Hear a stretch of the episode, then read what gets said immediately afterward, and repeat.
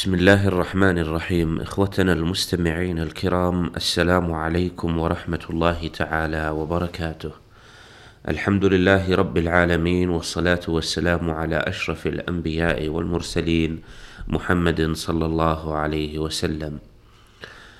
إخوتنا المستمعين الكرام أهلا وسهلا بكم وحياكم الله مع حلقة جديدة من حلقات برنامج كبائر الذنوب. كما عودناكم سيكون محدثنا هو فضيلة الشيخ صالح الأطرم. فأهلا وسهلا وحياكم الله شيخ صالح. حياكم الله وبارك الله في الجميع ووفقنا الله لما يحبه ويرضاه. اللهم آمين. عزيزي المستمع في هذه الحلقة لن نتحدث عن كبيرة معينة بذاتها من كبائر الذنوب. بل سنتناول بعض الموضوعات الهامة والمتعلقة بكبائر الذنوب فأول ما سنبدأ به هو سؤال يقول هل الكبائر تنقسم إلى كبائر ظاهرة وباطنة؟ وإن كان كذلك فما الدليل على ذلك؟ بسم الله الرحمن الرحيم الحمد لله رب العالمين وصلى الله وسلم على نبينا محمد وعلى آله وصحبه أجمعين. معلوم أن هناك كبائر باطنة وكبائر ظاهرة. فالباطنة ما تتعلق بالقلوب والظاهرة ما تتعلق بالجوارح وهي مندفعة من القلوب. ولكنها صلتها بالجوارح أظهر وأوضح. وكبائر القلوب مما لا شك فيه أنها الأساس.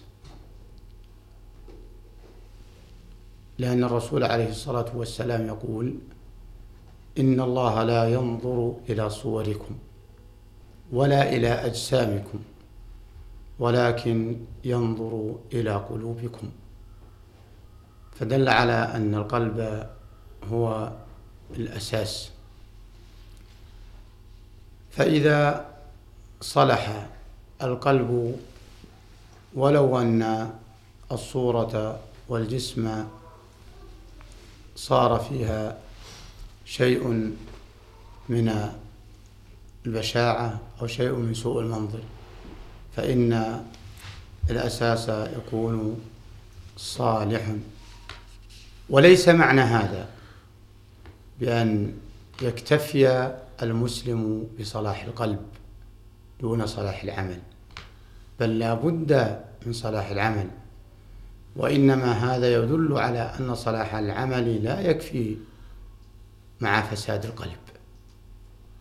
ولهذا قال عليه الصلاة والسلام ألا وإن في الجسد مضغة إذا صلحت صلح الجسد كله وإذا فسدت فسد الجسد كله.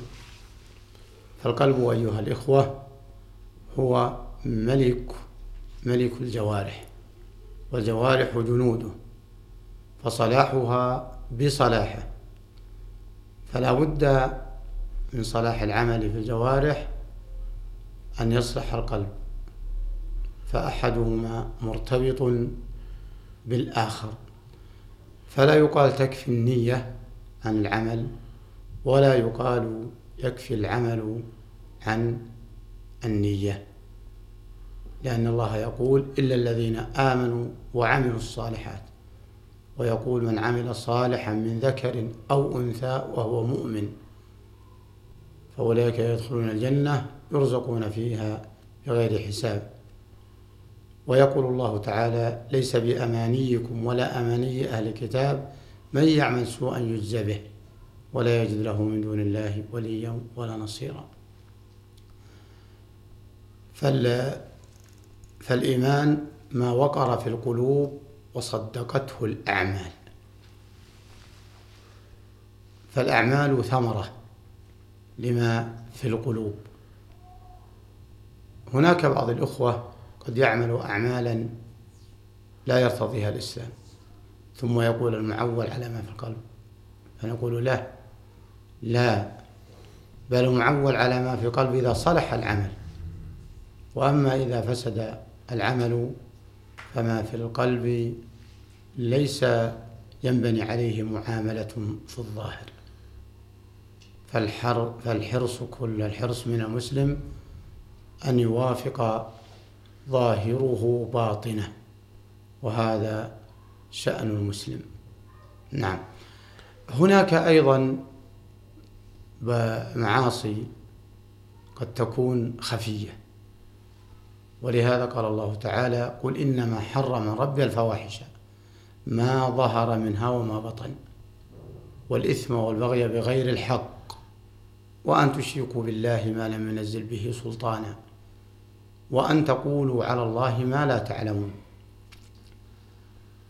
فقال تعالى إنما حرم رب الفواحش ما ظهر منها وما بطن. فالمسلم يراقب هذا كله ليجتنبه.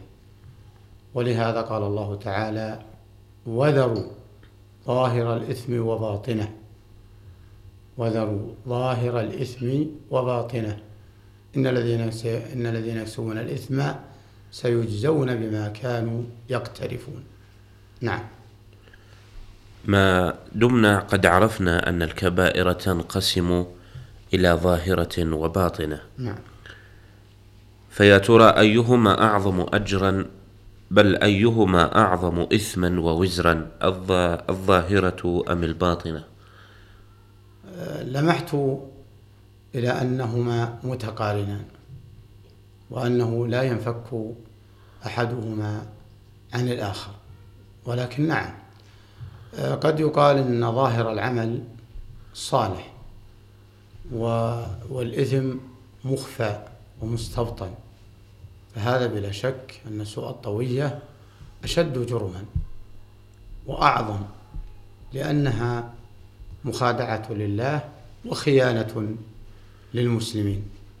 بينما إذا كانت الجريمة والكبيرة ظاهرة عرفت وعُمل صاحبها في الظاهر معاملة أهل الكبائر. فتبين بذلك أن الباطنة أشد جرما نعم. فضيلة الشيخ ننتقل إلى نقطة أخرى أيضا نعم. من النقاط المتعلقة بكبائر الذنوب نعم. فنقول هل من كبائر الذنوب ترك المأمور به أم أن هي خاصة بارتكاب المنهيات فقط كبائر الذنوب تشمل ترك الم... تشمل ترك المأمور وتشمل ارتكاب المنهي كله يعد من كبائر الذنوب لأن فعل المأمور طاعة. إذا تركه معصية. وترك المنهي عنه طاعة. إذا ارتكابه وفعله معصية. فكبائر الذنوب تشمل ترك المأمور وارتكاب المنهي عنه. فضيلة الشيخ بعد أن تعرفنا على أن الكبائر تخص ترك المأمور وهي أيضا تخص ارتكاب المنهي. فيا ترى ما هي أعظم الكبائر في ترك المأمور؟ وما هي أعظم الكبائر في ارتكاب المنهيات؟ أعظم الكبائر في ترك المأمور هو ترك التوحيد.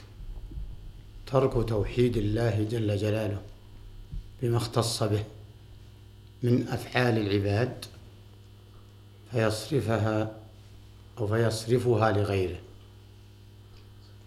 وكذلك ترك ترك وصفه بصفاته وترك أسمائه وكذلك ترك اعتقاد بأنه الخالق الرازق.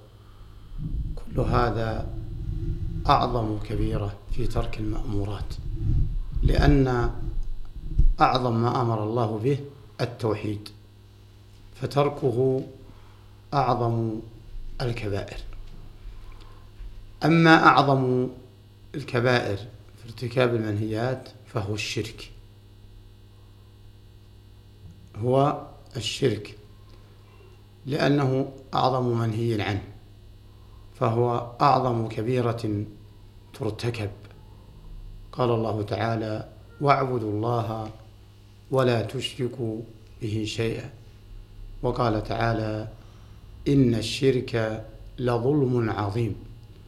وقال تعالى إن الله لا يغفر أن يشرك به ويغفر ما دون ذلك لمن يشاء. ولهذا سئل عليه الصلاة والسلام أي الذنب أعظم؟ قال أن تجعل لله ندا وهو خلقك. فدل على أن ارتكاب الشرك هو أعظم كبيرة يرتكبها الإنسان. ومن يدعو مع الله إلها آخر لا برهان له به فإنما حسابه عند ربه إنه لا يفلح الكافرون. نعم. فضيلة الشيخ لعل هناك سؤال ملح وخصوصا في هذه الأيام وهو.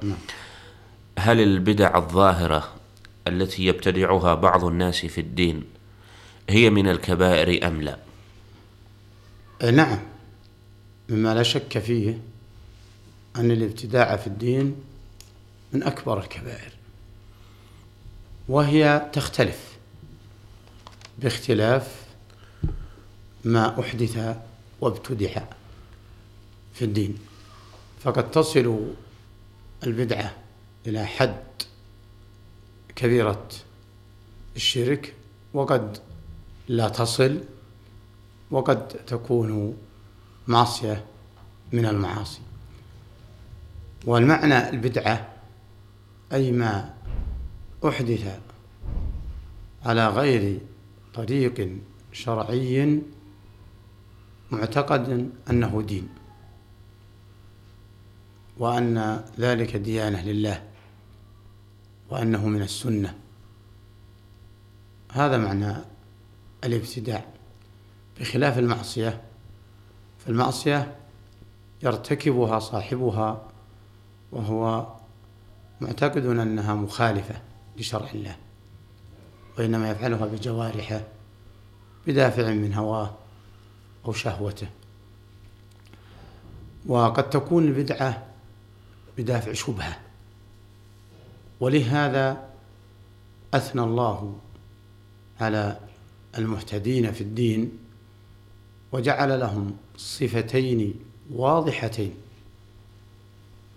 صفة الصبر على طاعة الله والصبر عن معاصي الله والصفة الأخرى اليقين اليقين في قلوبهم بما جاء في دين الله وترك الشبهات. قال تعالى وجعلناهم أئمة يهدون بأمرنا لما صبروا وكانوا بآياتنا يوقنون. فقال بعض العلماء صبروا عن المعاصي وبآياتنا يوقنون مؤمنون مصدقون ليس عندهم أدنى شبهة ولا ريب ولا شك. فالبدعة حذر منها الرسول عليه الصلاة والسلام وأخبر أن من أح من جاء ببدعة أو شجع صاحب بدعة أو حبذها أو حسنها فقد أعان على هدم الإسلام. فأي تحذير أشد من هذا؟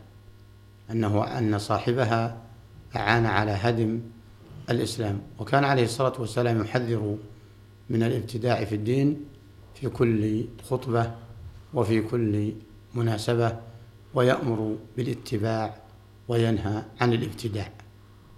فالبدعة أمرها عظيم ولربما يأتي إن شاء الله تعالى في ثنايا هذا البرنامج ما ما نخصصها فيه في بعض البرامج. إن شاء الله. جزاكم الله خيرا فضيلة الشيخ. إخوتنا المستمعين الكرام كنتم مع حلقة من حلقات برنامج كبائر الذنوب وكان محدثكم هو فضيلة الشيخ صالح الأطرم. نسأل الله العلي القدير أن ينفعنا بما سمعنا. كما نسأله تعالى أن يجنبنا وإياكم الذنوب كبيرها وصغيرها. نستودعكم الله وإلى اللقاء. والسلام عليكم ورحمة الله تعالى وبركاته.